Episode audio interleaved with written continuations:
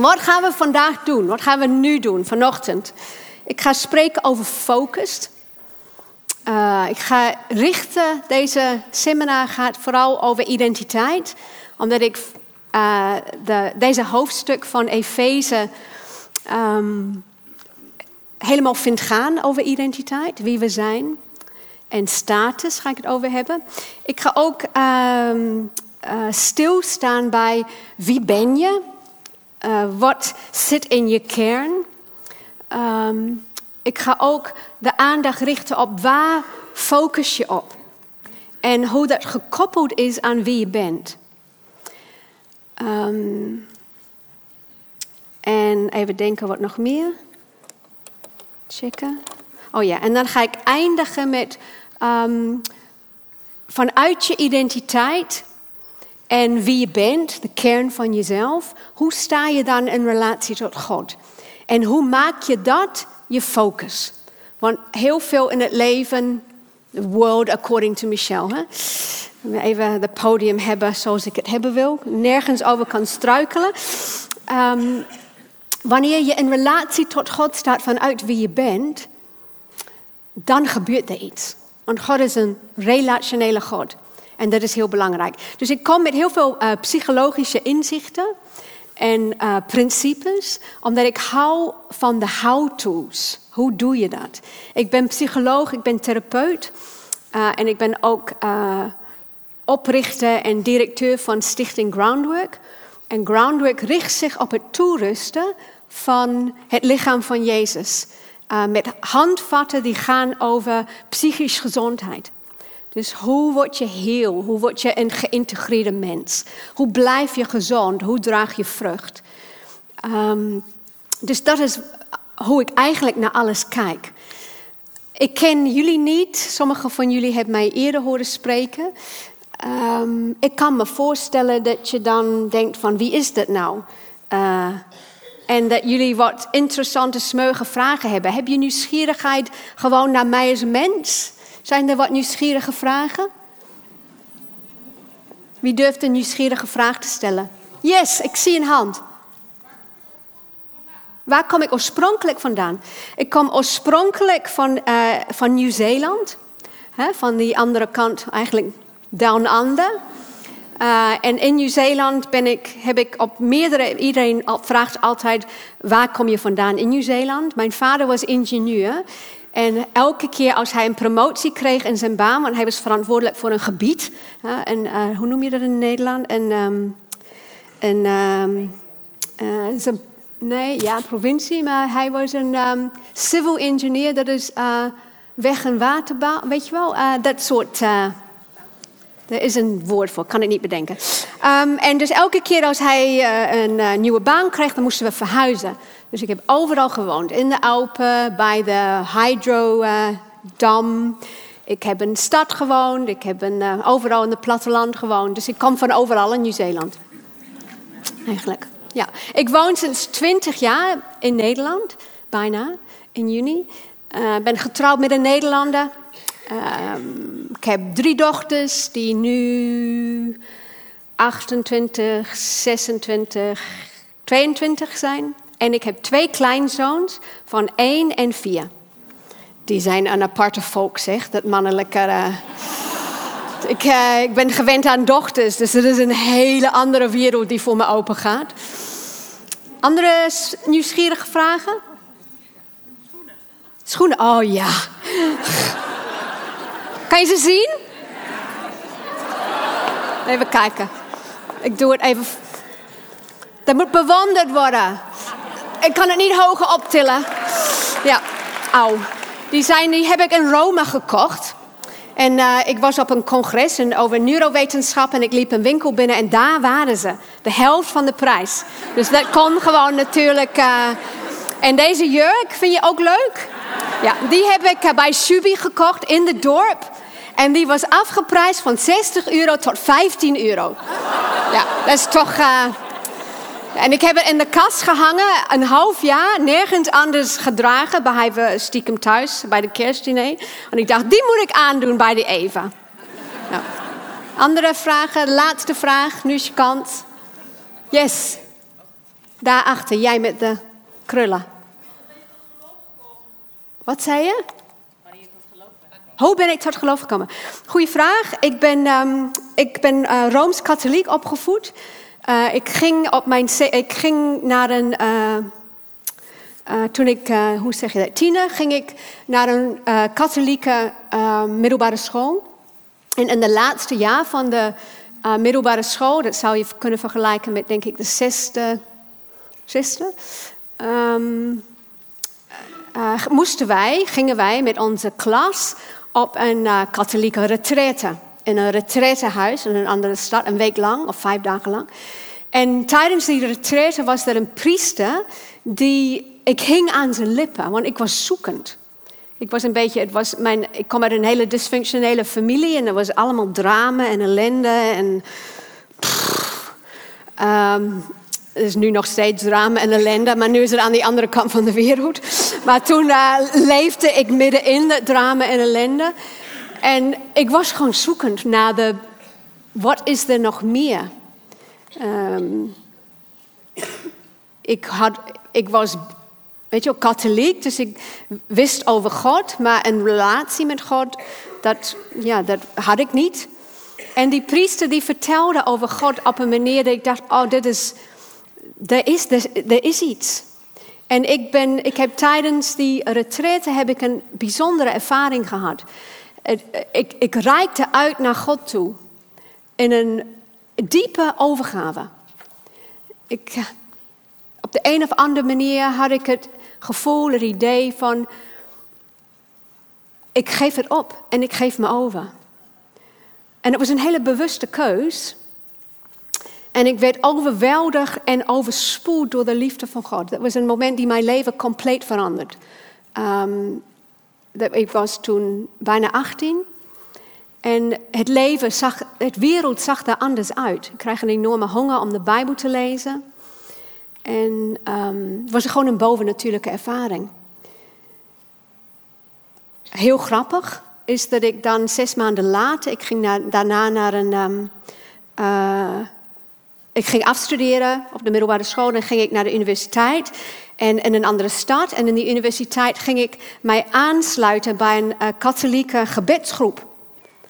En tijdens die, in die gebedsgroep, dus dat was zes maanden later, um, kwam ik te horen hoe dat zat met het kruis. En dat Jezus gestorven was voor mijn zonde en dat ik dan, uh, weet je wel, vergeven was.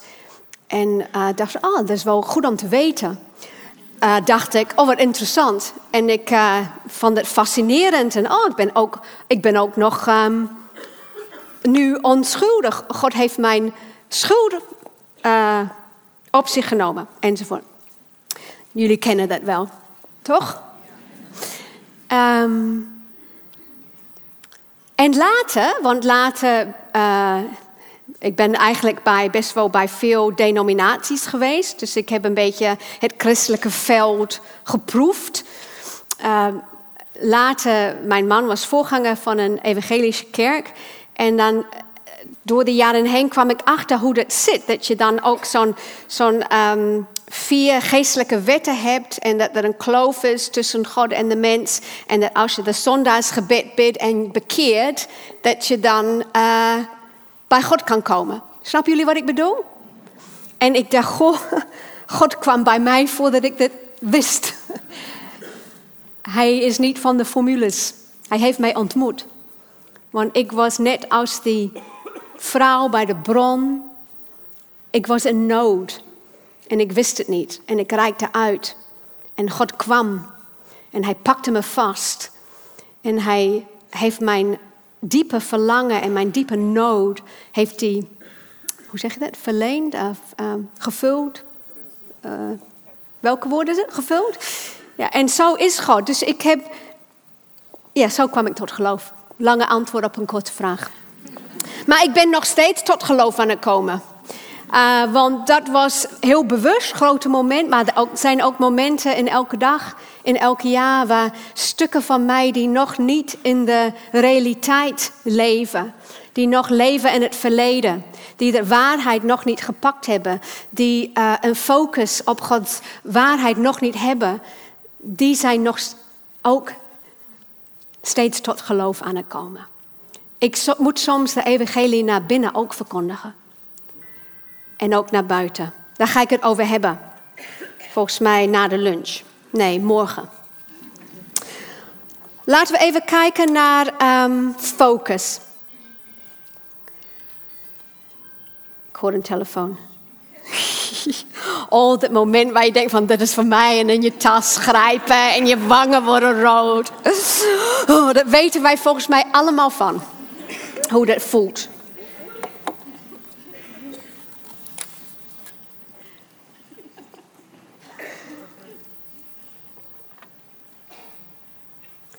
Focus.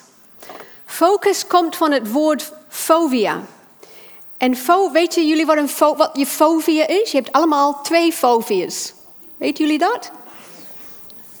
Dat is iets wat in je oog zit. Het zit in je oog en het is de kern van je oog, of de, de punt in je oog waar je heel scherp kan zien.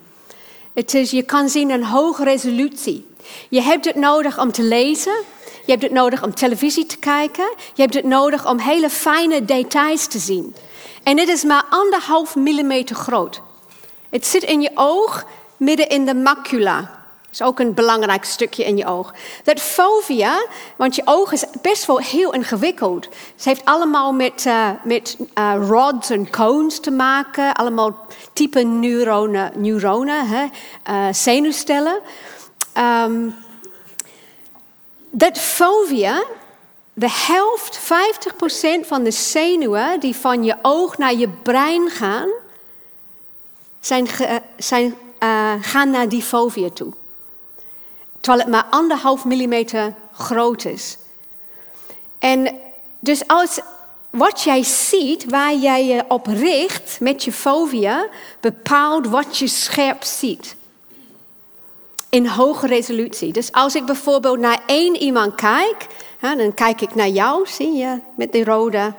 Ja, ja, ik kijk naar jou en ik kijk naar jou en ik kan jou, de licht is niet heel erg goed, maar ik kan jouw gezicht zien en je haar. Je hebt kort haar, donker haar, je hebt een rode jurk of oranje of rood met witte dingetjes op. Ik kijk nog steeds naar jou met mijn fobia en ik kan ook ergens de mensen naast jou zien, maar heel onscherp. Ik kan zien dat het twee vrouwen zijn, dat gok ik ook een beetje. Omdat het. En ik kan zien, als ik naar jou kijk, kan ik zien dat de vrouw uh, naast jou donkere haar heeft en de vrouw links van jou, vanuit mij, uh, licht, um, hoe noem je dat? Donkerblond. Maar meer kan ik eigenlijk niet zo goed zien. Dat is je periferiële zicht.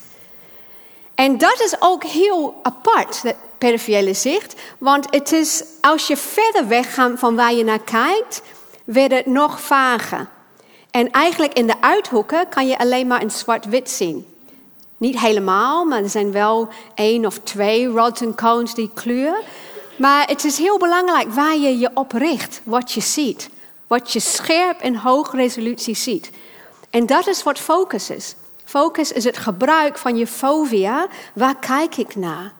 En dat periferiële zicht, ik weet niet of ik dat woord goed zeg, maar volgens mij snappen jullie wat ik bedoel aan de zijkant.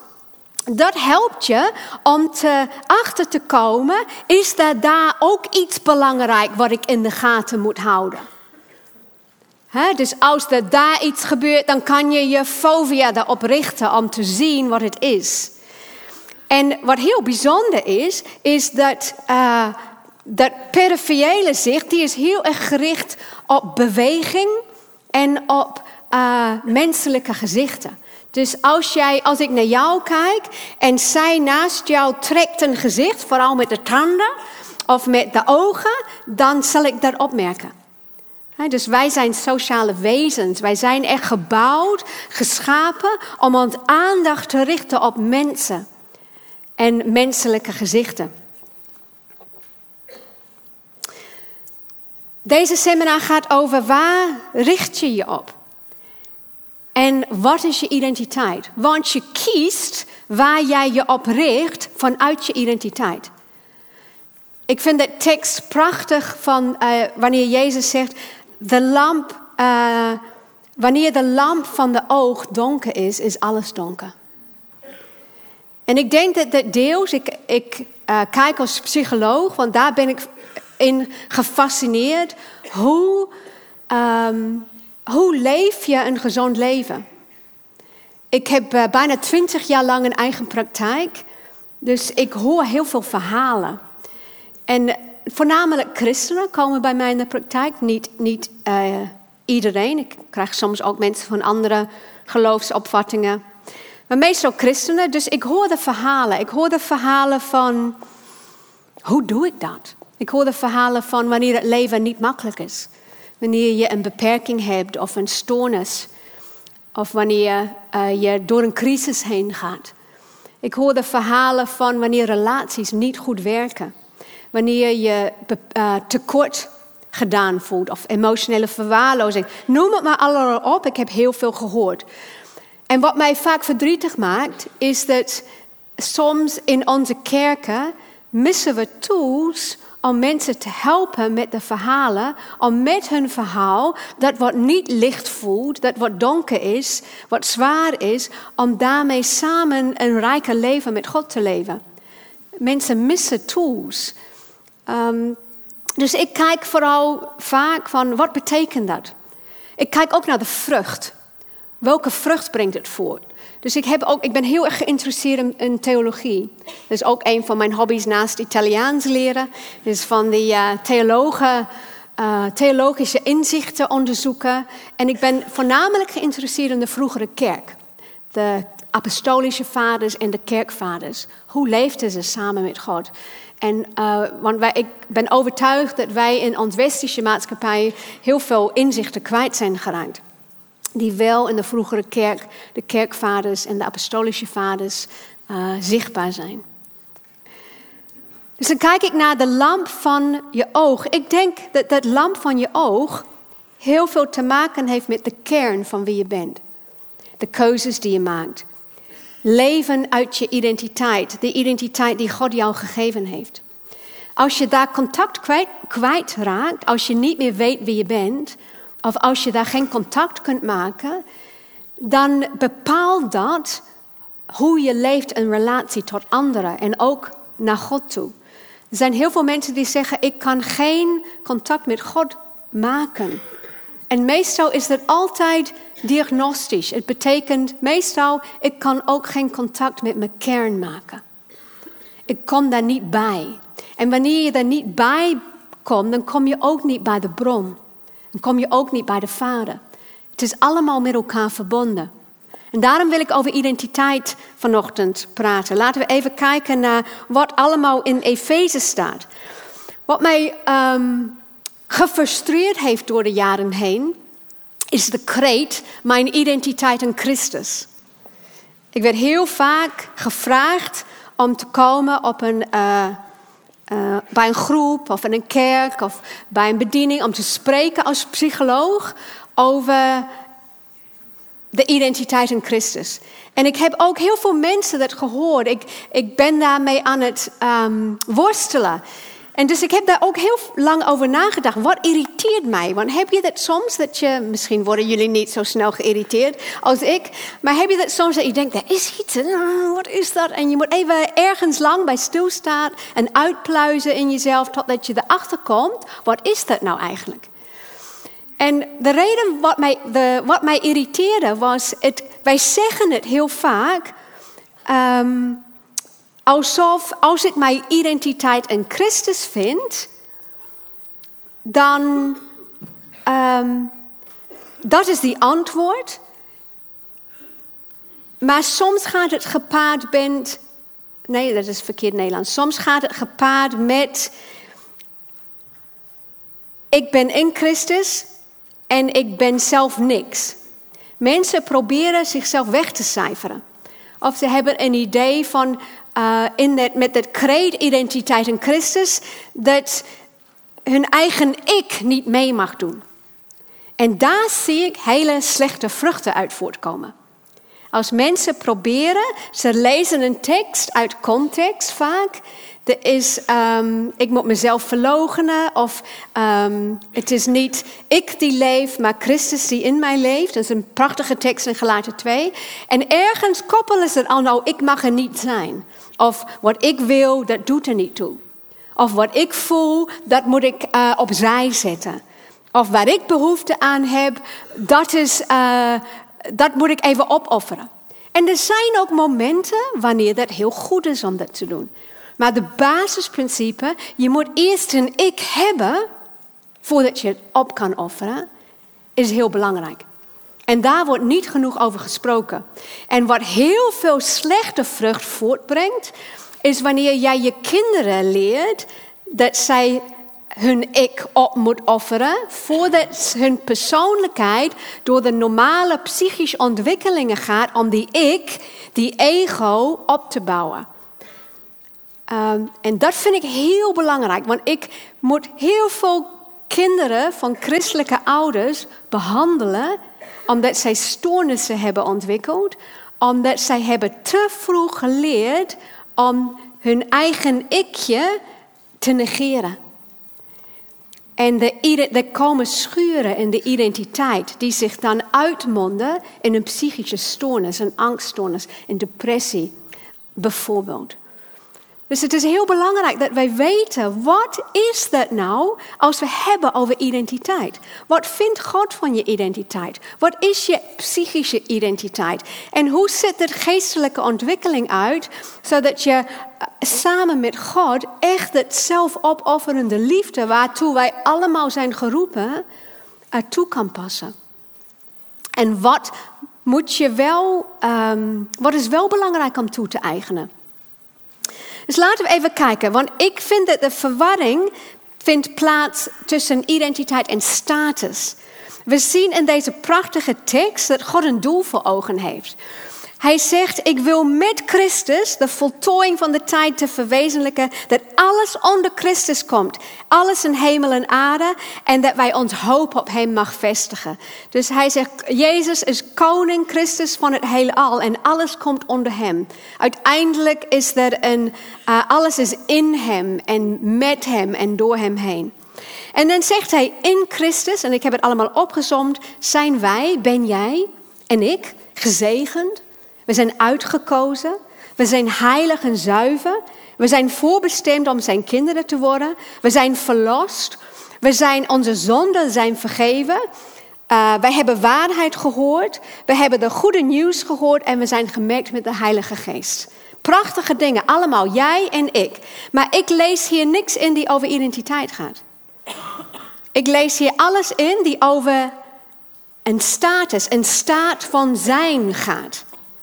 Niet over identiteit. En dat is het verschil, want deze hoofdstuk wordt vaak gebruikt, want het is de hoofdstuk in de Bijbel die het meest gaat over in Christus, in Christus, in Hem, in Christus, over wie wij zijn in Christus.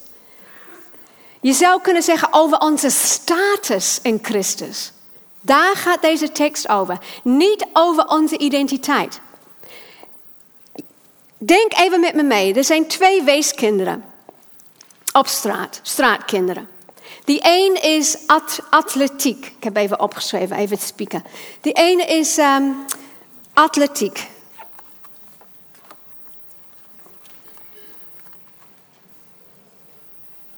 Die is een leider. Die is daadkrachtig, dominant, avontuurlijk, uh, pragmatisch.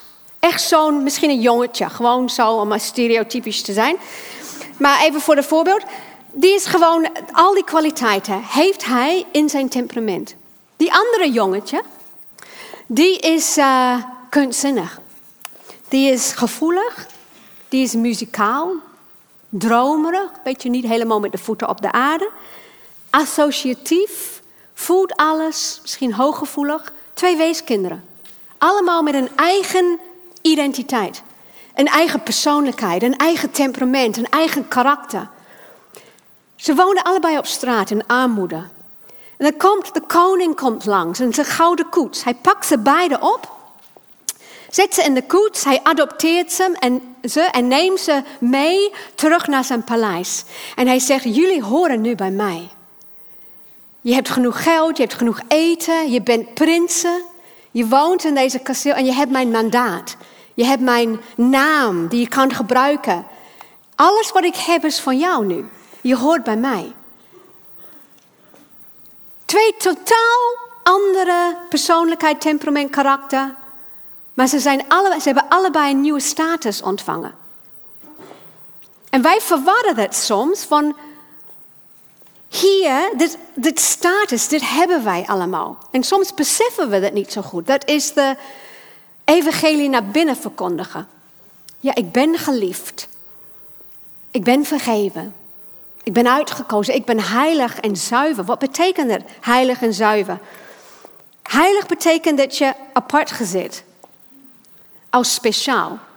Ik heb thuis een Nieuw-Zeelandse cultuur, dat is een beetje Engels cultuur. En misschien doen jullie dat ook in Nederland, dat weet ik nog niet. Maar in Engelse cultuur heb je een bepaalde bestek die je alleen gebruikt voor de kerst en de Pasen en de familiediner. Hebben jullie dat? Wie heeft dat? Niet heel veel, ja. Ik heb dat. Ik, ik, uh, we hebben niet zo'n groot huis, dus ik, het zit in een la onder de bank. en als wij een familiediner hebben, dan haal ik dat uit en ik zet de dochters aan het poetsen, want het is zilver. Weet je wel, je moet het even oppoetsen. Dat is onderdeel van het ritueel, van we gaan uitgebreid dineren met elkaar. En dat aparte bestek, dat zilverbestek, die halen we alleen uit voor de speciale gelegenheden. Waarom? Ja, eigenlijk stom. Verspilling van de tijd zou je kunnen zeggen. Want ja, je moet het poetsen en dan moet je, kan niet in de vaat wassen, dus je moet het ook met de handen afwassen. Maar wij doen het omdat wij willen die event markeren. Het is bijzonder. Het is speciaal. Het is iets waar wij bij stil willen staan met elkaar. En dat is de betekenis eigenlijk van deze woord, heilig. Dat betekent niet dat er niks mis met je is. Want er is een heleboel mis met je. En mij ook. Dat betekent wel dat je speciaal bent. Dat je een aparte bestemming hebt. Dat God heeft jou apart gezet.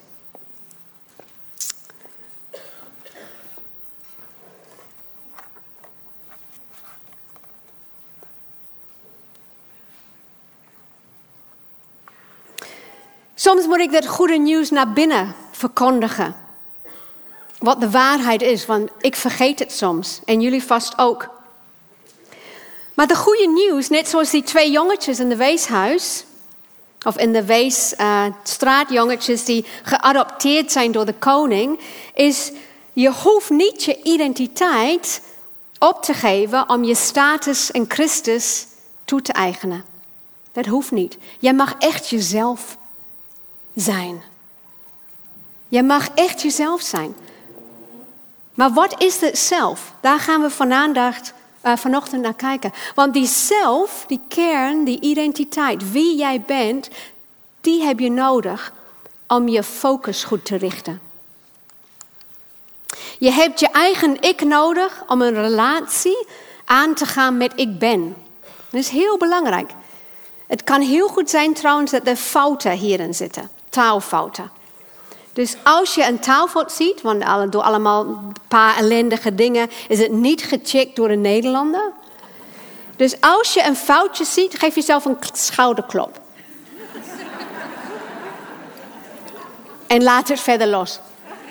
En als je het niet verder los kan laten, omdat je een beetje perfectionistisch bent, is er een plekje daar en daar en daar waar je over kan praten en voor je kan laten bidden.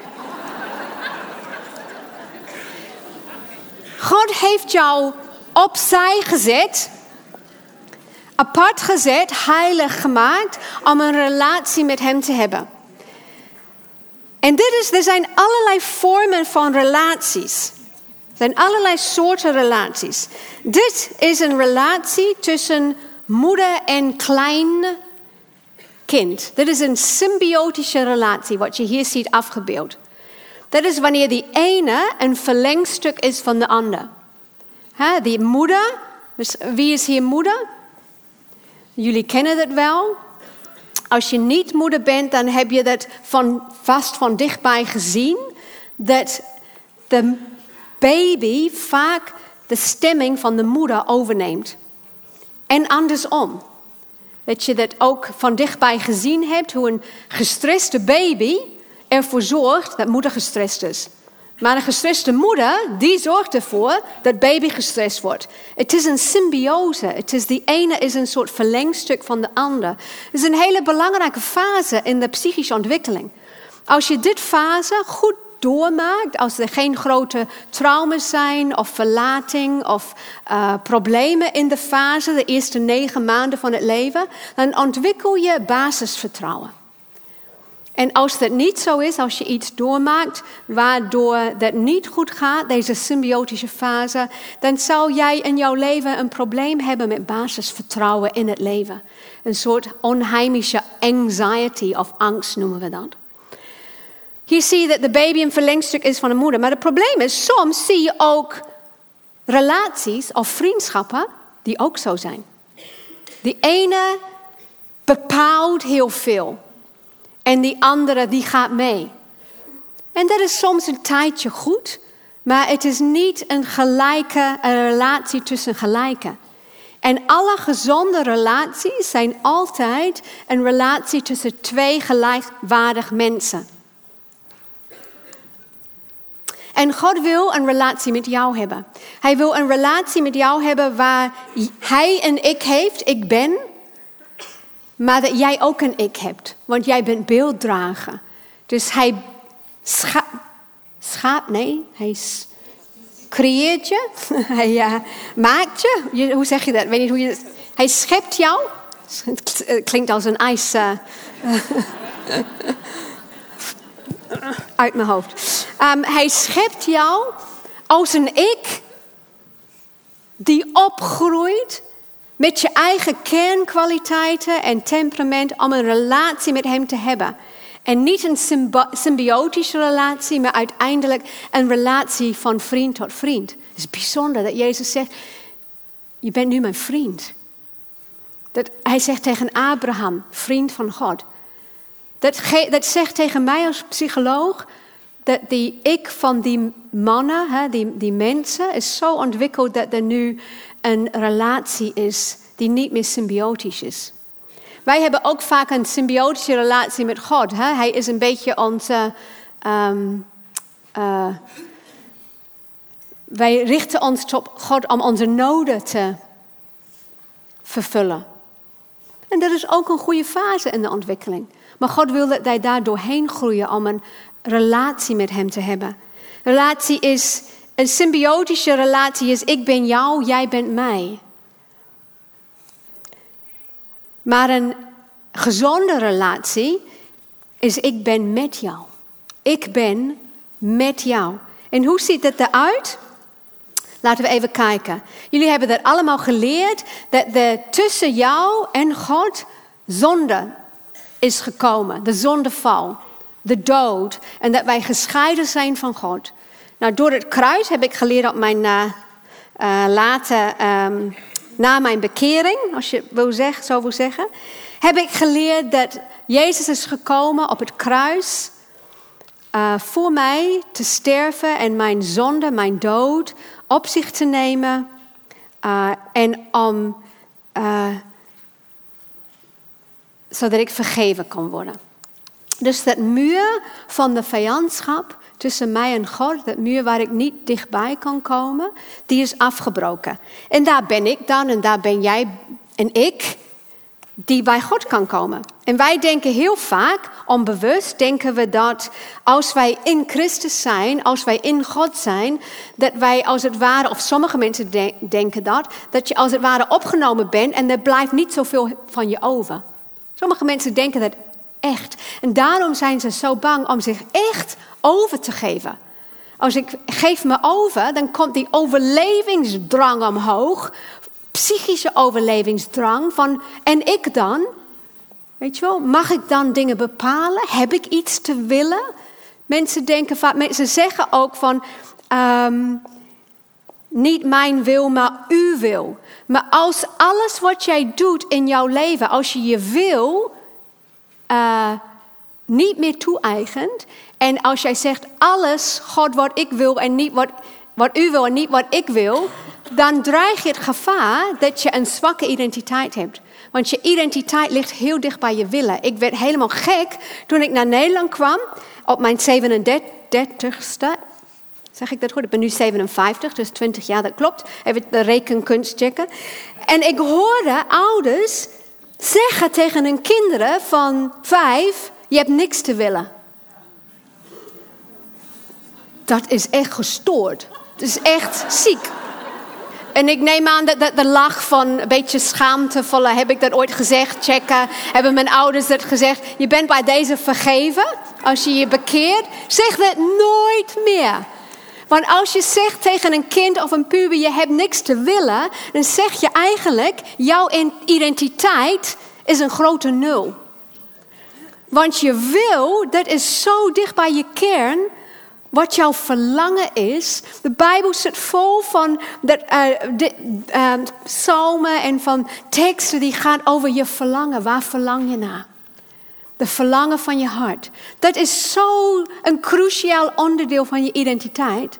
Dat als je, dat, als je daarvan uitgaat, dan ontwikkel je of heb je een groot probleem.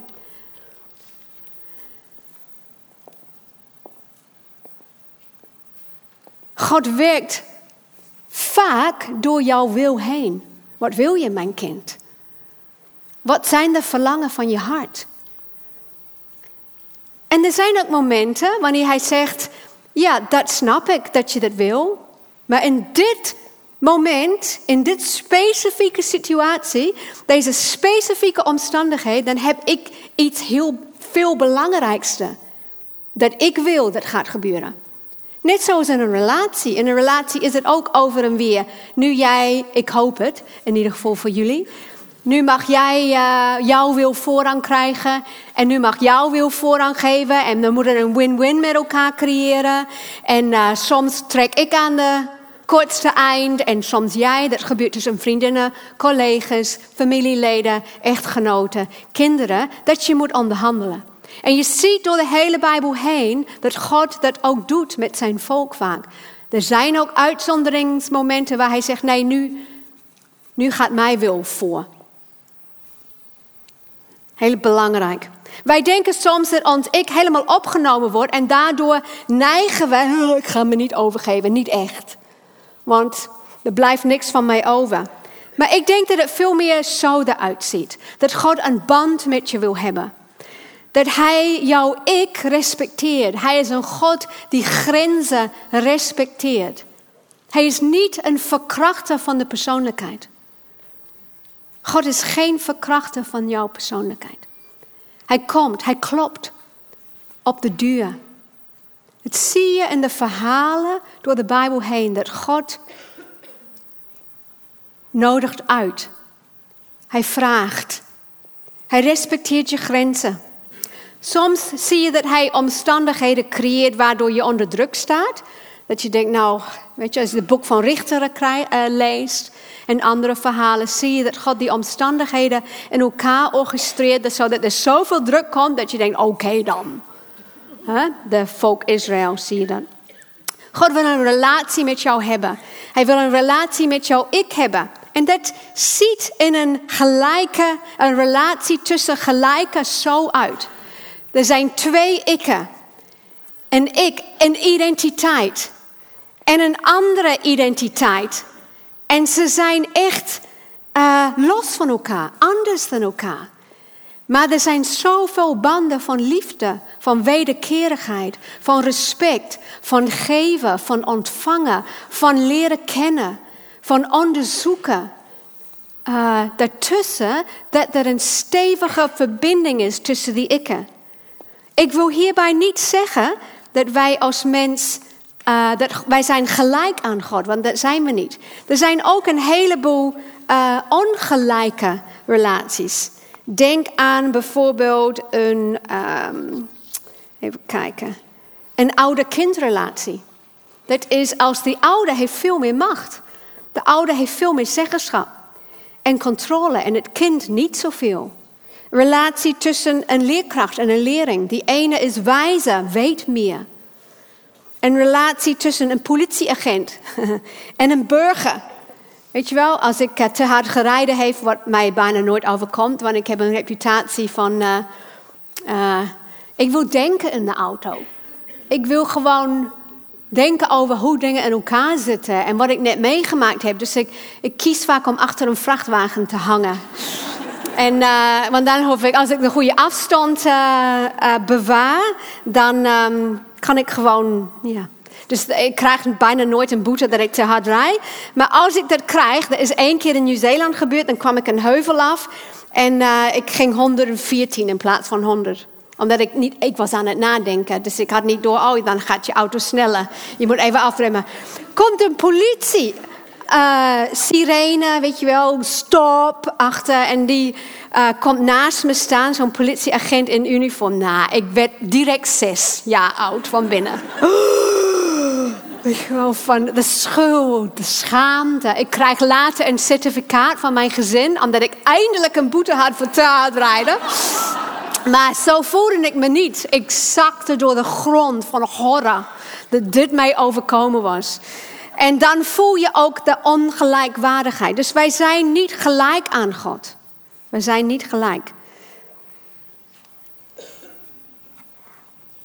Maar we zijn wel in relaties, wij zijn waardig. God ziet ons als waardig.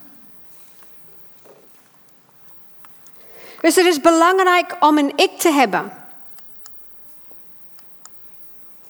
We gaan nu kijken naar waar bestaat jouw ik uit. Waar bestaat jouw ik uit? We beginnen met je lichaam.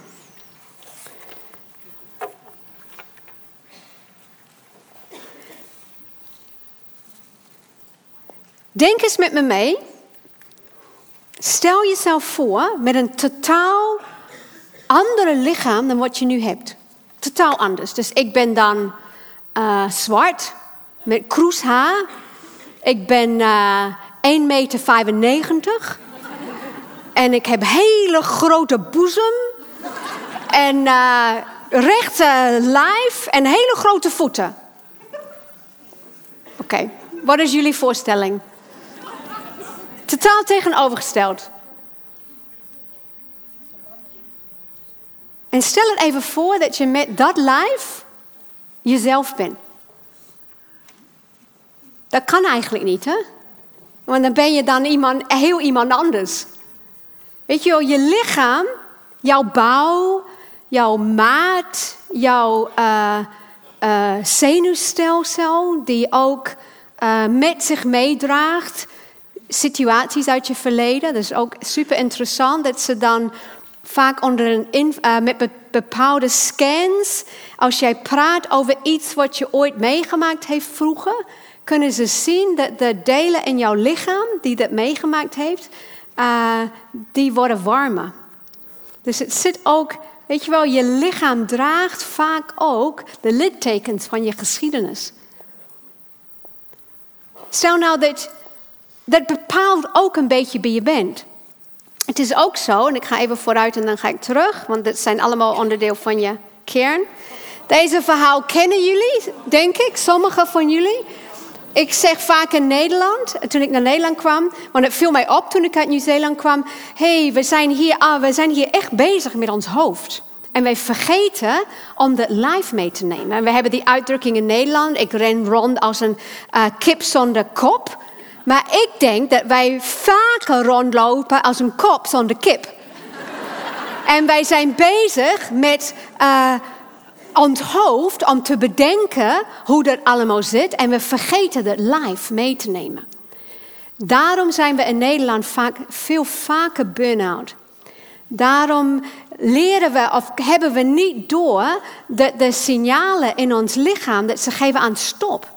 Of ik wil niet meer. Of ik heb hier een afkeer tegen. Of ik heb er geen zin. Of ik ben moe. Of ik ben overprikkeld. Of ik wil het niet. Je lijf, dat is allemaal te voelen in je lichaam. Je lichaam geeft het aan wanneer je gespannen bent. Dan merk je dat je ondiep gaat ademen. Uh, of dat je stressverschijnselen krijgt. Of dat je alle energie uit je uh, um, weg hebt. Of dat je uh, trilt vanwege de zenuwen, dat je angstig bent of dat je eigenlijk boos bent. Ik weet wanneer ik boos ben, want ik loop ik rond en dan krijg ik pijn in mijn handen. Want ik, eh, weet je wel, mijn vuisten zijn zo. En ik weet wanneer ik gestrest ben, want ik, ik merk dat ik hier aanspan. En uh, um, dat ik ondiep ademen. Maar als je die signalen niet doorhebt, want je leeft in je hoofd en je, bent, je hebt je kip, die ligt nog en helemaal ergens, die doet niet mee, dan krijg je een probleem, dan kan je klachten ontwikkelen. Er komt in, over twee maanden een nieuw boek uit van, uh, die geschreven is door ik en Harry van der Pol. En die heet Goed voelen. Emoties voor je laten werken. En deze illustratie is een illustratie uit dit boek. Er zitten helemaal stripfiguren om het duidelijk te maken.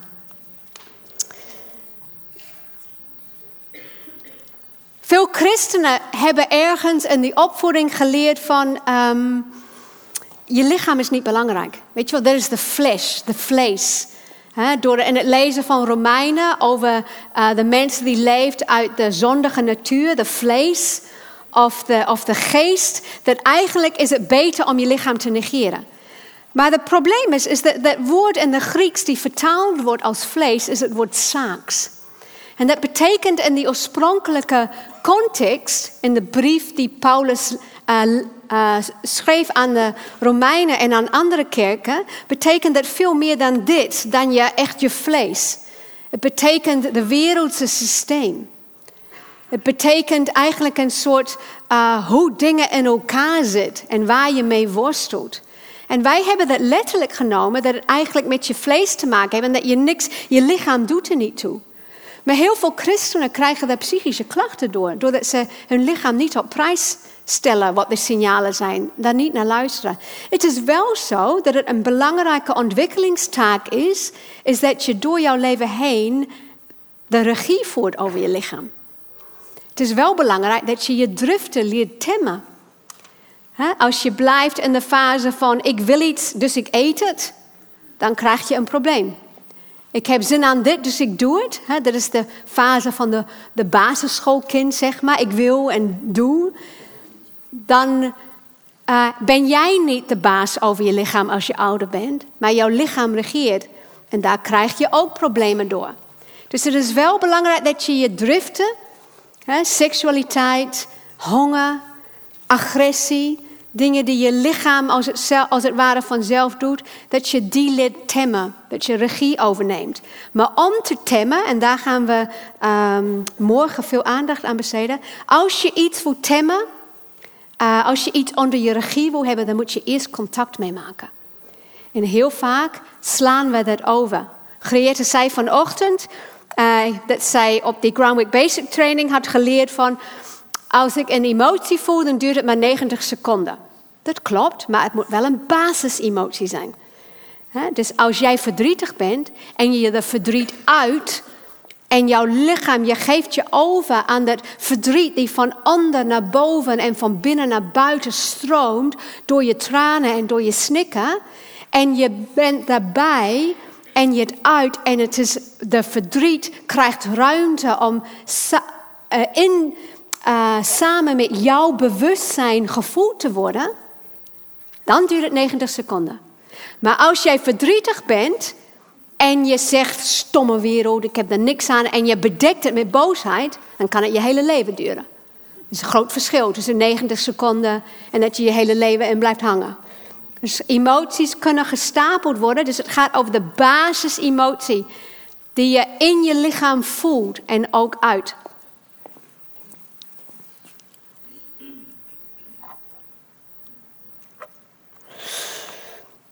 Even terug. Je lichaam. Ben ik nog steeds bij je lichaam? Je lichaam heeft, um, dat is ook prachtig, heeft uh, iets heel belangrijks. En dat is de, ik zeg het in Engels, de 10th cranial nerve. En nu ga ik het vertalen. De tiende zenuw die van je, um, van je hele lichaam gekoppeld is aan je hersenen en het gaat door je ruggenmerk heen. De tiende, want je, vanuit je hersenstam zijn er hele belangrijke zenuwen. Waar alle boodschappen van je lijf naar je hoofd, alle boodschappen van je hoofd, wat je ziet en alles, doorgaat naar je lichaam. Die tiende, en dat is de, in Engels de vagus nerve, dus ik weet niet hoe je dat zegt in Nederland. Iemand zal het weten, een verpleegkundige of iemand anders of een arts. En die, die zenuw, de tiende van je, die is heel belangrijk. Die gaat overal in je lichaam. En die bepaalt onder andere je parasympathische um, uh, zenuwstelsel. Je hebt twee zenuwstelsels. Je hebt een sympathische of twee takken. Je hebt een sympathische zenuwstelsel en een parasympathische. Kort gezegd, want jullie zitten hier te denken, wat heb ik hier aan? Dat zit niet in de Bijbel. Um, maar het is wel belangrijk. De sympathische zenuwstelsel is je gaspedaal. Als dat geactiveerd wordt, voel je angst. En dan wil je vechten, vluchten of bevriezen. En je krijgt zenuwen. Die gevoel, ken je dat? Je parasympathische, die bepaalt je spijsvertering en alle andere lichamelijke processen. Maar onder andere is het je rempedaal. Het bepaalt dat je goed kan slapen, dat je kunt chillen, dat je kan ontspannen, dat alles tot rust komt. En het is aan jou om die twee goed met elkaar af te stemmen. Soms de rem, soms de gaspedaal. Mensen komen in de psychische problemen wanneer ze de gaspedaal en de rem tegelijkertijd aan. Dat werkt niet goed. En mensen krijgen allemaal klachten van. Oké, waarom wil ik jullie dat vertellen? Omdat de parasympathische zenuwstelsel wordt bepaald onder andere door die tiende zenuwen. En ontdekkingen van de laatste jaren zijn dat de tiende zenuwen heel erg langs je borstkas gaat. En dat als je dit doet, of tapt, of je hand op je borst, dat je dat zenuw ook een beetje activeert die je helpt onder stress tot rust te komen. En als je tegelijkertijd zegt iets van de, dat doe ik vaker, Psalm 56, vers 4. Op de dag dat ik vrees, vertrouw ik op u. Op de dag dat ik vrees, wanneer mijn sympathische zenuwstelsel helemaal overhoop is. En ik uh, um, voel gewoon. Dan doe ik dit, of dan leg ik mijn hand op mijn hart, op mijn borst. Op de dag dat ik vrees, vertrouw ik op u, Heer. En dan pak ik de Bijbelse waarheid. Uh, ik neem de regie over mijn lichaam. En ik zorg ervoor dat ik weer kalm word. De Bijbel staat vol van verhalen in het Oude Testament dat wanneer iets heel naars gebeurde, wat deed de priesters?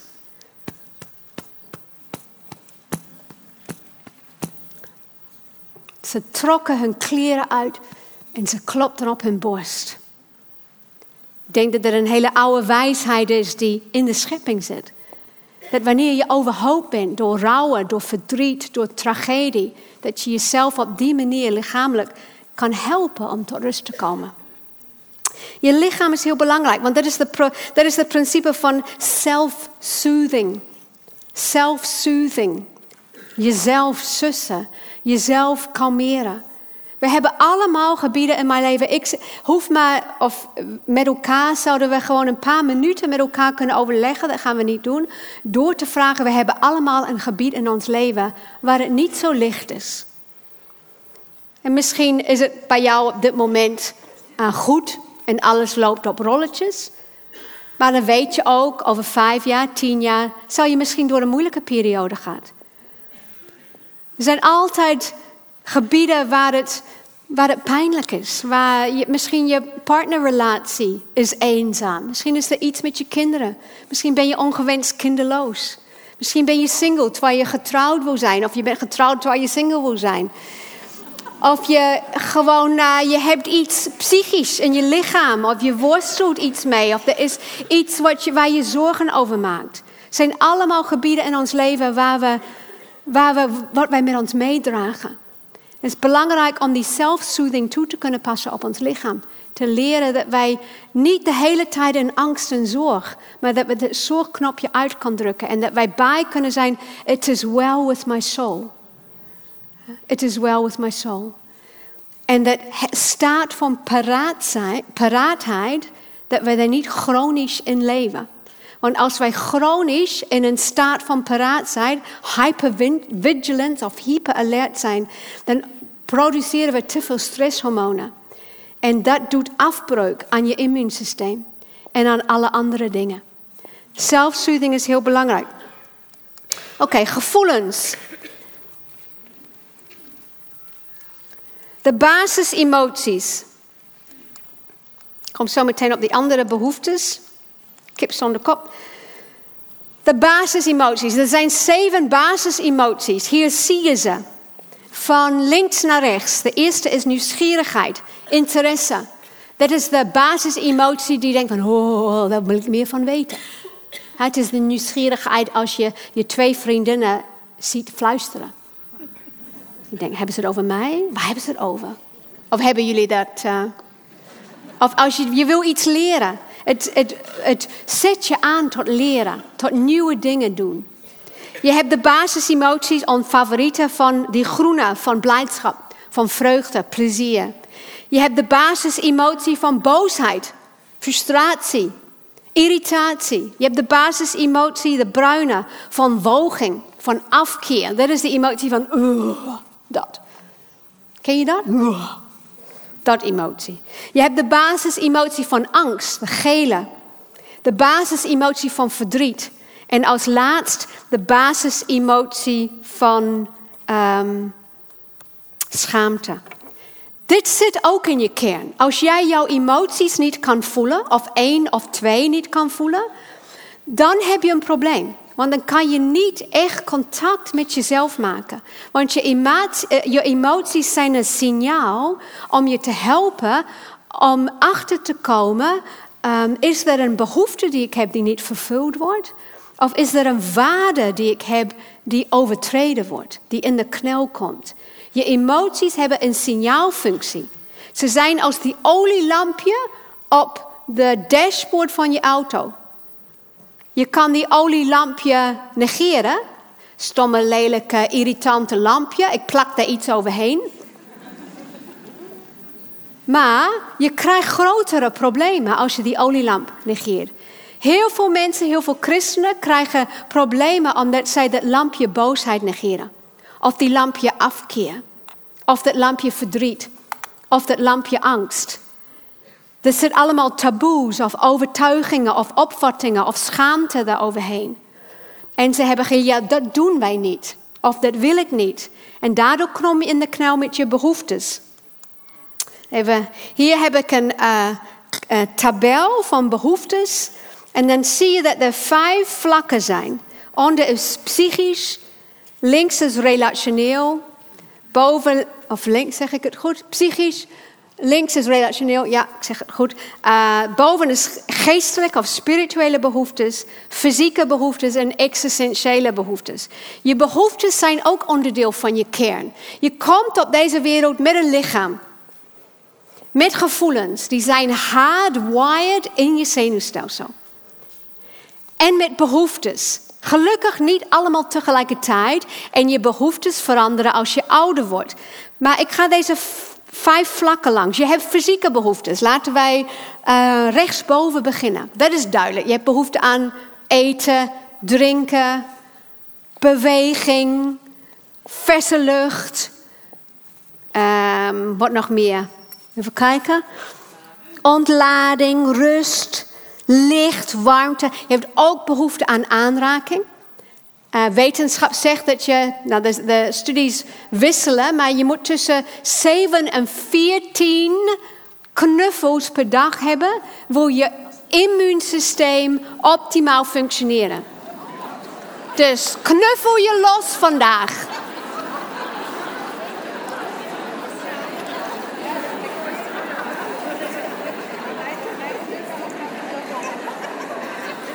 Je fysieke behoeftes. Je fysieke behoeftes gaan over jouw lichaam in deze wereld. Jouw lichaam in deze wereld. Je psychische behoeftes, dat zijn dingen als duidelijkheid. Je hebt behoefte aan duidelijkheid. Je hebt behoefte aan plezier. Je hebt behoefte aan stabiliteit of uitdaging. Psychische behoeftes. Die gaan over je eigen ik in deze wereld. Je hebt ook je existentiële behoeftes. Je existentiële behoeftes hebben te maken met uh, betekenis. Dat je van betekenis kan zijn. En die zijn dingen als autonomie. Dat je keuzevrijheid hebt. Uh, dat je verantwoordelijkheid hebt en dat je verantwoordelijkheid kan nemen, dat je bestaansrecht hebt. Jouw mens zijn, jouw extensie en hoe je daar vorm geeft en dat je dat uit kan voeren. Je existentiële behoeftes hebben te maken met jouw reis in deze wereld. Je relationele behoeftes, dat zijn dingen als behoefte aan bevestiging of bemoediging of behoefte aan erkenning of aan respect. Jouw behoefte dat iemand jou zo benadert eh, op een manier waar je je bijtankt. Want wij tanken bij aan soms. Heb je soms niet, ik heb dat wel. Uh, soms vraag ik dat zelfs. Ik, soms, ik voel me soms, gisteravond had ik een uh, ontmoeting met al mijn docenten. En het was allemaal een beetje moeilijk, moeilijk, moeilijk. Nou, ik stapte in de auto en ik voelde me alsof alle energie uit mijn lijf uh, trok. Ik voelde me gedemoraliseerd. Dus ik had gewoon behoefte aan, spreek mijn moed in. En bel ik iemand op van, joh, ik voel me een beetje, het is allemaal een beetje zwaar. Spreek mijn moed in, bemoedig mij. Vertel mij over de dingen die goed gaan. Of de dingen, de goede dingen. Want gisteren moesten wij in een korte tijdstip focussen op wat niet goed ging. Studenten die, uh, weet je wel, die het moeilijk hadden.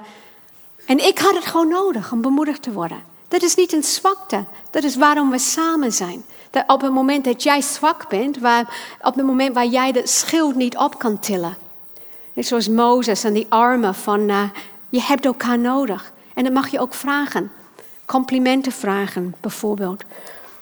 Je hebt ook spirituele behoeftes. Je hebt een spirituele behoefte aan onschuld, harmonie, schoonheid, um, inspiratie, hoop zijn spirituele behoeftes. Je emoties hebben een signaalfunctie en ze geven jou, hey, de, de boodschap, er is iets, een van mijn behoeftes uh, komt aan bod en ik, het is nodig dat ik het kan vervullen. Nou, het is niet altijd zo dat um, iemand anders of God of jezelf je behoefte op dat moment kan vervullen. Dat is niet zo, want anders is het niet een behoefte, het is een eis. En het is belangrijk dat wij als volwassen mensen leren leven met onvervulde behoeftes. Maar een, je kan alleen maar leven met een onvervulde behoefte. Het is alleen draagbaar als je het erkent. Een onerkende of herkende behoefte is onverdraagbaar. Dan gaan we drammen of ontkennen. Dus, daarom is het zo belangrijk en daarom focus ik hierop. Wil je contact hebben met jezelf? Wil jij daarin, doordat je contact hebt met jezelf en je identiteit, contact met God hebben? Wil je van daaruit je verlangen richten op wat jij wil, samen met God? Dan zou je achter moeten komen, waar heb ik op dit moment behoefte aan? Dat ik zo boos voel. Waar heb ik op dit moment behoefte aan dat ik verdrietig ben? Waar heb ik op dit moment behoefte aan dat ik angstig ben? Waar heb ik op dit moment behoefte met deze blijdschap? Wat is mijn behoefte? Waar heb ik behoefte aan dat ik nu schaam? En dat je dat, dat kan voelen en erkennen in jezelf.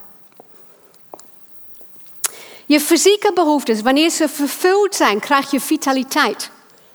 Als je genoeg licht, ruimte, beweging, eten, slaap, word je vitaal.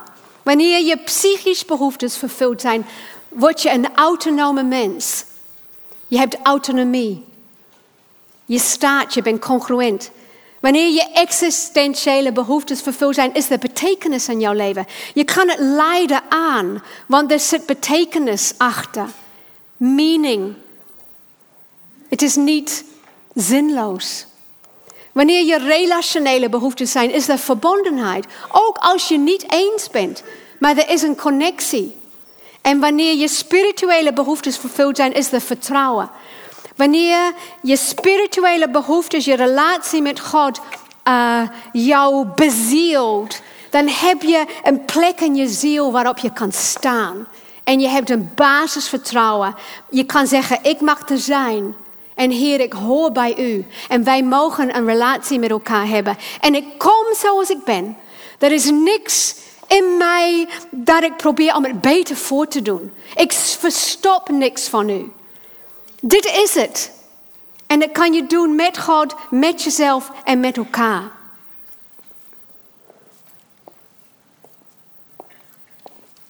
Ik zat net te denken aan. Uh, kwam net een beeld in me op van een Bijbel. Ik moest denken aan het woord verstoppen. Hoe Adam zich verstopt van God hè, in de tuin. Weet je wel, ik um, gebruikte uh, vaak van die dikke Bijbels. Gebruikte ik soms om um, een mooie varen uit Nieuw-Zeeland plat te maken. Snap jullie wat ik bedoel? Ik weet niet hoe je dat zegt in Nederlands. Ja, drogen, hè? zodat het mooi is. Moest ik denken aan die kleine jongetje die door de familiebijbel heen aan het gaan was. En hij zag in de familiebijbel een, een grote um, um, blad. Grote, uh, zeg ik dat goed? Een lief. Grote blad. En hij rende naar zijn moeder toe. Mama, kijk wat ik gevonden heb in de Bijbel. Ik heb Adams onderbroek gevonden. Moest ik aan denken. Weet niet waarom. Wat zit er nog meer in je kern? Er zit je intelligenties. Je talenten. Iedereen heeft verschillende talenten. Dus denk aan die twee weeskinderen. Ze hebben verschillende talenten in hun kern. hier zie je een plaatje van die uh, theorie van Gardner. Hij zei, eh, wij meten IQ uh, met, over twee dingen. Dat gaat vooral over woorden, je verbale intelligentie en je rekenvaardigheden. en misschien ook je ruimtelijke intelligentie. Maar er zijn ook veel meer. En als jij naar dat plaatje kijkt, hè, muzikaal, beginnen rechts. Ik heb dat niet. Die is bij mij niet aanwezig. Logical, uh, mathematical, dat is wiskunde. Nou, dat is bij mij ook niet zo heel goed. Existentiële intelligentie, dat je nadenkt over hoe het leven in elkaar zit. En dat je er interesse in hebt en dat je er snel dingen verbanden ziet. Dat is bij mij hoog. Interpersoonlijk, dat is sociale intelligentie. Dat zijn de mensen die heel snel kunnen voelen wat de dynamieken zijn. Dan heb je Kinesthetische, dat zijn je lichaam. Dat zijn de mensen die als eerst uitgekozen werden op de middelbare school voor sport. Wie waren dat? Steek je hand omhoog. Wij eren jullie, want ik was altijd de allerlaatste. Altijd, want ik heb dat gewoon niet. En mijn vader, toen ik klein was, ik liep de kamer binnen. Mijn vader deed automatisch de koffiekop weg, de andere ding weg. Hij maakte een pad voor mij, want daarom zeg ik, ik wil niks over niks struikelen. De linguistic intelligentie, de verbale intelligentie. De intrapersoonlijk, dat is de intelligentie waar je snel doorhebt wat van binnen gebeurt. Je bent reflectief. En dan heb je de spatial, dat is de ruimtelijke intelligentie. Dat je snel mentale plaatjes in je hoofd kan verschuiven. Dus wij, je hebt nooit alles. Je hebt altijd een beetje van dit en een beetje van dat. Jezelf leren kennen, je identiteit, is ook wat voor intelligenties heb jij van binnen.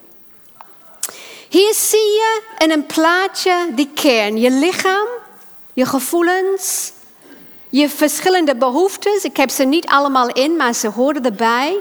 Je talenten en je kwaliteiten. Zo kom je op deze wereld met een identiteit. God heeft jou geschapen als een stukje, een uitdrukking van wie Hij is. Dat is je kern. En wanneer jij contact maakt met wie jij bent van binnen, dan ga je daarmee en daarin contact met Hem maken. Maar wat gebeurt in het leven, is wij ervaren een heleboel drama vaak. Of wij worden gesocialiseerd en wij maken dingen mee waar bijvoorbeeld ons lichaam wordt afgewezen. We voelen niet goed met ons shape of hoe we eruit zien, of ons gezicht, of we maken van alles mee, of er gebeurt trauma met ons lijf, waarmee we afstand creëren. We muren af. Ik wil niet dat iemand dit ziet. We schamen ons voor. Of we maken uh, situaties mee waar we gevoelens ervaren die overweldigend zijn. van angst of verdriet of boosheid. En dat trauma wordt opgeslagen waardoor die emotie beangstigend voor ons wordt. We leren bijvoorbeeld dat we niet boos mogen zijn, want als wij boos zijn, wij worden opgevoed van als je boos bent, ga je naar je, kamer en dan kom je terug wanneer je gekalmeerd bent. Dus ik leer gewoon als ik boos ben, word ik verbannen. Of word ik afgewezen. In plaats van dat de boosheid in contact uitgewerkt wordt. En we leren dat het eng is wanneer we boos zijn. Of we leren dat wij, onze behoeftes worden niet vervuld. Dat als wij uitreiken naar troost, dat iemand daar niet is. Of als wij uitreiken naar bemoediging, dat wij uitgelachen worden. Als wanneer we uitreiken en ik ben boos, het is niet rechtvaardig. Dat, dat boosheid bespot wordt of uh, wij worden vernederd. We maken allemaal dingen mee in deze onperfecte wereld. En wanneer we dat meemaken, doet het pijn en doet het zeer. En wat wij dan vaak doen, is we bouwen een muur om ons kern heen. Een muur van schaamte, een muur van angst. We ervaren pijn. En dus we wijzen ons kern af. Of we ervaren angst. En dus we gaan naar de controle. Dat gebeurt mij nooit meer dat ik in zo'n situatie kom. Of ik controleer de wereld zodat ik niet in gevaar kom. Of we bouwen een muur op van schaamte. Wij oordelen dat stuk in onszelf, dat behoefte. Het is belachelijk dat ik behoefte heb aan troost. Ik zal het zelf moeten oplossen. Ik moet zelfredzaam zijn. En we doen het op allerlei andere vlakken. Maar we bouwen die muur op. En we gaan door het leven heen, we ontwikkelen andere dingen, we maken keuzes, we ontwikkelen volwassen gewoontes, we ontwikkelen copingtechnieken, we worden gesocialiseerd, we leren om een masker op te doen, we leren om professioneel over te komen of in control over te komen. We, leren, uh, we krijgen een bepaald beeld van onszelf. Um, ik ben iemand die altijd haar best doet. Allemaal dingen die, die goed zijn. Die zijn goed in en of zichzelf. Ik ga even te snel. Maar als zij niet als ons kern afgeblokkeerd is, dan zijn ze niet bezield.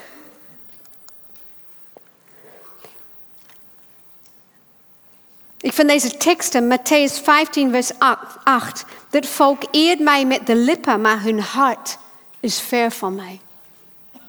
Hun hart is ver van mij. Jesaja 29, vers 13. Daar komt deze tekst vandaan. Omdat het volk tot mij nadert met zijn mond en zij mij eren met hun lippen, maar hun hart ver van mij houden. En hun vrees voor mij is slechts een aangeleerde gebod van mensen. Romeinen 2, vers 29 heeft het over de besnijdenis van het hart. En in de Bijbelse wereldbeeld wordt het hart samen met je buik de kern van je wezen. Dat was de smeltkroes waar alles samen vindt. Als je over besnijdenis nadenkt, wat dat echt is, hè, dan moet je denken over een piemel en de voor, voorskin, hoe zeg je dat? Dus. Ze snijden dat af. Dat, dat huid snijden ze af, zodat wat kwetsbaar is, uh, zichtbaar, gevoelig is. Moet je voorstellen dat God zegt, ik wil dat je hart besnijden wordt. Ik wil dat je dat muur afbreekt. Ik wil dat ik daarbij kan. Ik wil bij jou komen, bij jouw kern, in al jouw gevoeligheid, in alles wat het pijn doet, in alles wat het kwetsbaar voelt, in alles wat niet kan. Daar wil ik bij. En ik wil dat je naar mij komt met je kern. Niet van het goed willen doen. Niet met beter je best doen. Niet met je perfectionisme. Niet met je controle. Niet met je, je, je maskers, maar met wie je bent. En ik denk dat het zo eruit ziet. Ik denk dat de dingen die wij leren in ons leven, wanneer wij groot worden, die blijven. Hè? De, de gewoontes. Ik, ben, ik heb slechte gewoontes. Een van mijn slechte gewoontes waar ik 30 jaar mee worstel. Nou, ik worstelde niet mee, mijn man worstelde mee dat is dat ik vergeet altijd in de, restje, de restjes op te ruimen in de spoelbak in de keuken. Ja, wie, wie krijgt koude rillingen? Denkt van, gast. Ja, dat krijgt mijn man en een paar dochters ook. Maar ik werk daaraan. Maar ik, ik ben bezig om die thee. Ja, want ik drink echt Engelse thee. Ik schop het uit. Ik ben er ergens anders mee bezig. Ik zie het niet. En ik, hij zegt het elke keer. Oh ja, oh ja, oh ja. Maar het, het zwak begaafd op dat gebied. Ik probeer eraan te werken, maar of het ooit echt een goed gewoonte wordt, dat, dat betwijfel ik. Maar mijn intentie is goed. Daar heeft hij niks aan, maar uh, het, is, het is goed. Maar hij heeft ook slechte gewoontes. Laat dat ook gezegd worden. Wie presteren 30 jaar lang om te vergeten om de vuilnisbuitje te zetten? Oh, ik ga niet op die tour, anders is het uh, straks um, gaat het niet goed als ik thuis kom. Hij luistert toch niet naar de podcast. Er zijn allemaal teksten over je kern. Hoe lang heb ik nog? Ik zie geen handen. Vijf minuten? Oh. Oké, dan gaan we voor de quick and dirty versie. God wil contact maken met je kern. Met wie jij bent. En wanneer dat vrijkomt, wanneer dat muur afgebouwd wordt, dan kan je bij Hem komen. En dan is je leven bezield, dan kan je congruent zijn als mens. En ik geloof dat de schepping daarna zucht. Wanneer gaan die kinderen van God opstaan? Jezus zegt, de koninkrijk van de hemel uh, is aan de kinderen. Weet je wel, de, wees als een kind. En ik denk dat dat hiermee te maken heeft. God wil de muren rondom je hart afbreken.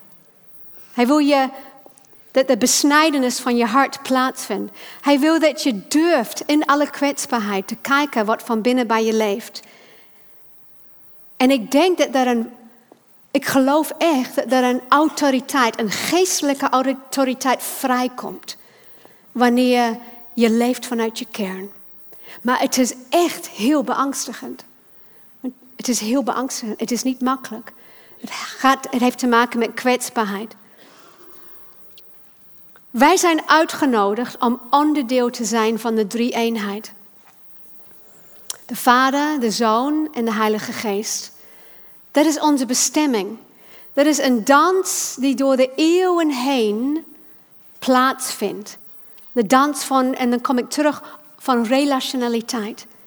De focus in Christus betekent dat God jou uitnodigt om onderdeel te zijn van de relatie die de leden van de drie eenheid met elkaar hebben, de Vader, de Zoon en de Heilige Geest, om daar onderdeel van te zijn.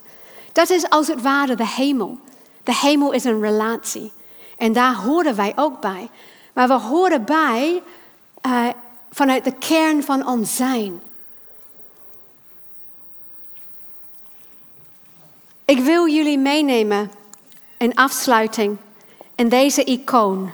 Wie kent deze icoon? Een paar. Iconen zijn een. Um, dit, dit icoon, en de linkse zie je de, hoe het nu eruit ziet. En de rechtse voor de duidelijkheid zie je de, um, de zeg maar, de felle versie. Ik weet niet hoe je dat moet zeggen. Misschien hoe het ooit was met goud. Even voor de duidelijkheid. Dit icoon was gemaakt in 1425 door een Russische monnik. Iconen waren wat ze gebruikten om theologie uit te drukken voordat de normale mens de Bijbel kon lezen. Toen was er geen printing press, geen um, drukding. Ik weet niet hoe het heet.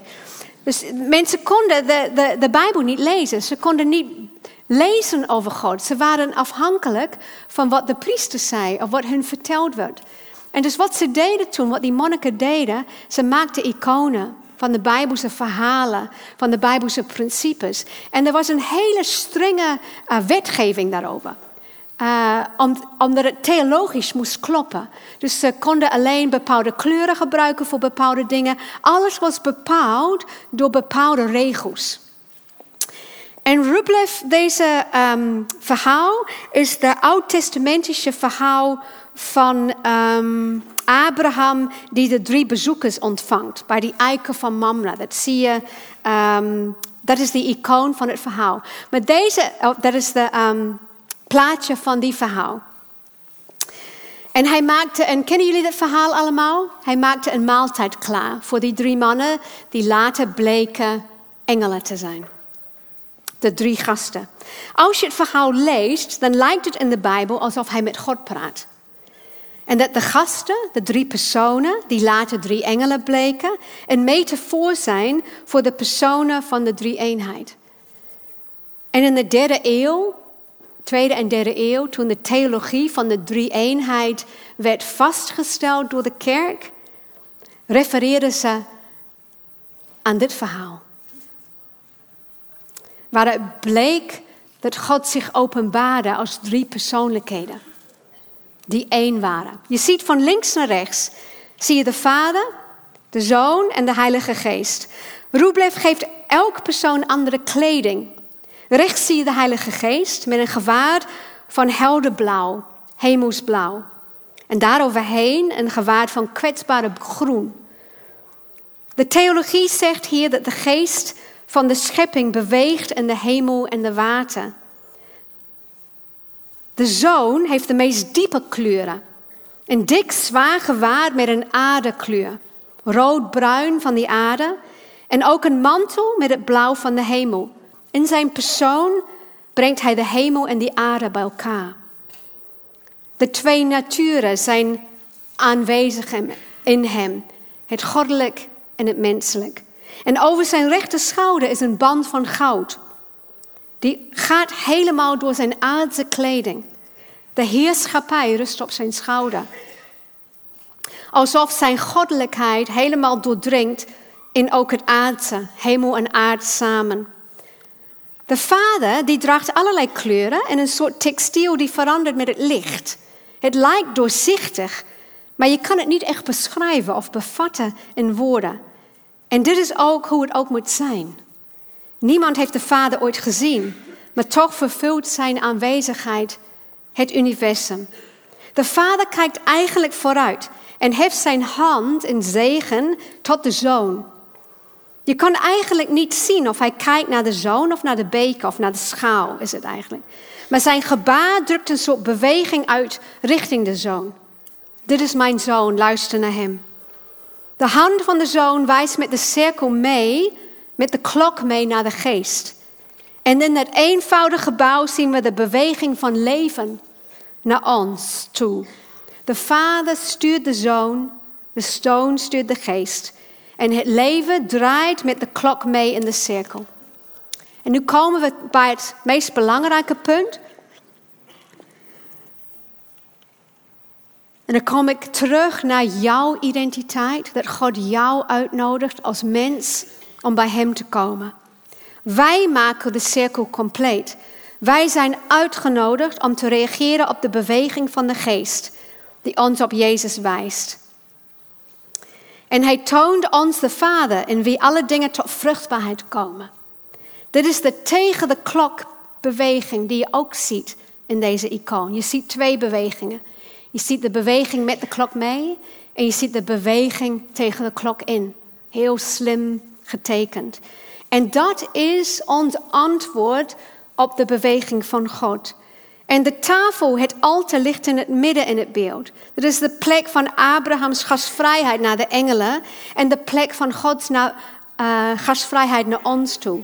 Het is ook tegelijkertijd de avondmaal. Zodra wij God uitnodigen, zodra wij komen naar Hem, komt Hij ook naar ons.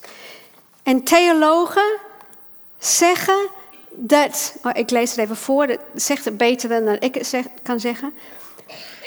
Wij hebben een plek bij de drie eenheid. En dat is ook de reden waarom theologen zeggen, wij zijn ook uitgenodigd. Er is plek bij de tafel, ook voor ons, om erbij te zitten en het maaltijd te ontvangen. Wij zijn uitgenodigd om de cirkel compleet te maken. Gods beweging af te maken. Dus je ziet ook de onder de voorkant van de tafel, daar is ruimte voor ons. En er zijn sommige mensen, een theoloog, die zegt, als je heel goed kijkt naar icoon, dan lijkt het alsof de restjes van lijm zitten eronder aan. En ze denken dat er ooit een spiegel was. Dat als je naar die icoon kijkt, dan zie je jezelf in de spiegel ook als onderdeel uit van deze plaatje.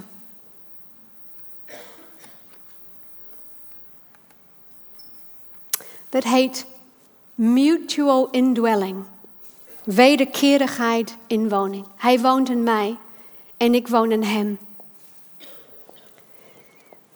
En wat betekent dat allemaal? Ik ben bijna klaar, mag het? Twee minuten nog? Moet afronden, zegt ze. Afronden. Afronden die handel. Jij bent uitgenodigd. Nee, weet je wat? Ik ga stoppen en ik ga deze twee dia van, uh, van in de middag doen. Wees even, laat even dat bezinken. Dat God nodigt je uit. Hij nodigt je uit om bij Hem te zijn, maar kom als jezelf. Kom, maak contact met het kern van je zijn. En ik wil de band uitnodigen, toch?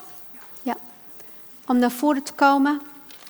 Die zijn voet, oh nee, die, ik wou zeggen zijn voetzie, maar ze zijn niet voetzie.